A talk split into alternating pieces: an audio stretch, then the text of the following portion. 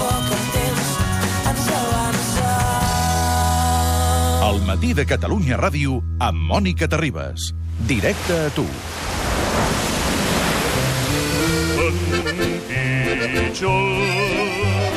Gronxa que gronxa la barca. I no deixem l'aigua, sabeu? Perquè vosaltres quantes vegades heu vorejat la Costa Brava fent un camí de ronda? Des de les roques pots gaudir de les cales, de l'aigua clara... Doncs des d'aquest estiu teniu l'opció de fer-ho a l'inrevés. Des de l'aigua podeu resseguir la costa nedant. I és que s'han posat en marxa els camins de ronda de l'aigua, les vies braves. Mira, tant la Jèssica com la Genesis com la Clara estarien encantades. Avui ens hem proposat acostar-nos al projecte, fer balanç de com els ha anat l'estiu i qui és allà, qui és allà sota el sol amb aquest dia tan bonic que fa a la Costa Brava. Laia Claret, bon dia.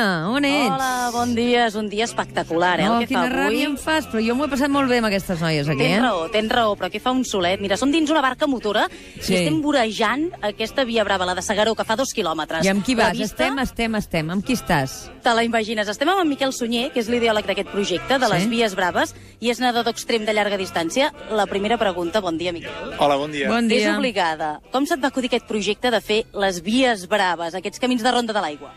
Bé, no, no ha estat idea meva.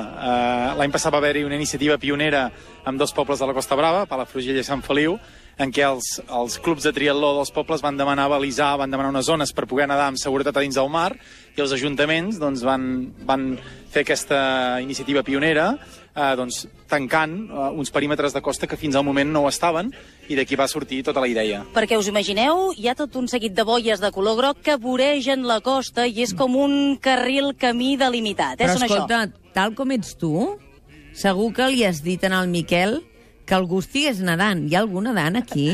Sí, sí, sí, Ah. sí. A tocar de la barca, en podeu veure Sí. les imatges, eh? A tocar de la marca Sí. tenim en Jordi González. Bon dia, Sí. Jordi. Hola, bon dia. Em sents bé, eh, des d'aquí l'aigua? Sí, sí, perfecte. Val, tu ets nedador habitual d'aquestes vies braves. Per què hi vens? Doncs perquè és un luxe poder tenir un, poder practicar l'esport que t'encanta amb unes garanties de seguretat extres. És una zona delimitada. T'hi sents més segur pel tema de les barques? Evidentment, evidentment, tot el que sigui tenir una zona on hi hagi malisament que faci o que prohibeixi o delimiti de l'accés a les barques o embarcacions que es puguin acostar a la costa, doncs és, per als nedadors és, és importantíssim. En Jordi ens deia que s'hi ha trobat gent aquí nedant habitualment a primera hora del matí i a última hora de la tarda. Com han anat fent balanç d'aquests dos mesos i mig de vies braves?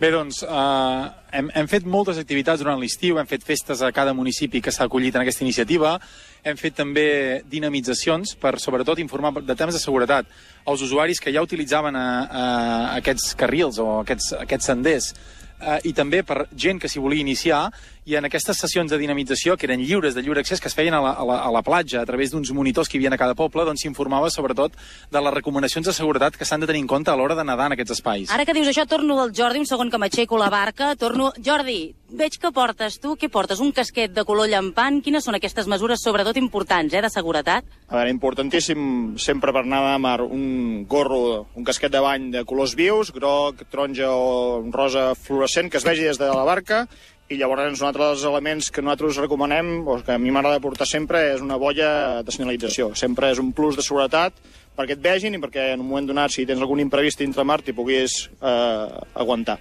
També Miquel deia, sobretot, eh, mirar de no d'anar sol, avisar tothom que vas a fer una via brava, és important, eh, la seguretat en aquest sentit.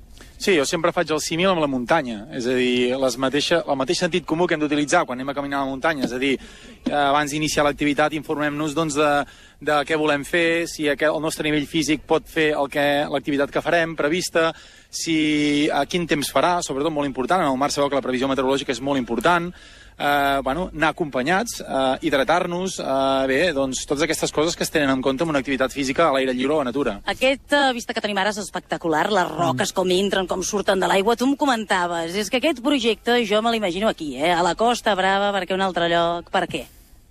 Sí, perquè ens n'hem adonat, sobretot quan hem, estem, hem estat pensant de- d'exportar-lo a altres llocs. Costa, costa molt perquè realment eh, l'orografia que tenim aquí a la Costa Brava, el, el luxe de costa que tenim, el paisatge eh, submarí que tenim, és espectacular, no? I, i realment gaudir d'aquesta costa, que normalment ho fem des de moltes perspectives, anant amb, amb barca, eh, fent windsurf, ara amb això del paddle surf, que també està tan de moda, hi ha moltes maneres de, de gaudir la costa, no? Per un camí de ronda, però des de l'aigua, ficat a dins, no? Amb, amb unes ulleres, un tub, o, o bé nedant, eh, doncs realment es pot gaudir d'aquests racons, aquest paisatge submarí tan extraordinari que tenim. I torno a treure el cap aquí al costat de la barca, Jordi.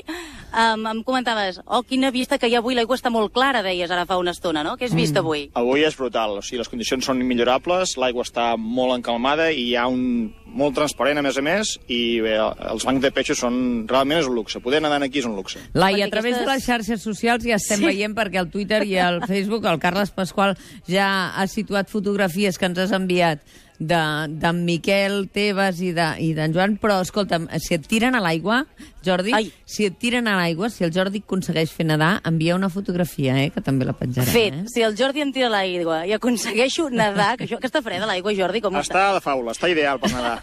Doncs no ho descartaríem, eh? Després us ho explico. Molt bé, moltes gràcies. Que vagi molt bé. Fins ara, bon dia. Felicitats, adeu. Fins ara, bon dia a tots. El matí de Catalunya Ràdio amb Mònica Terribas.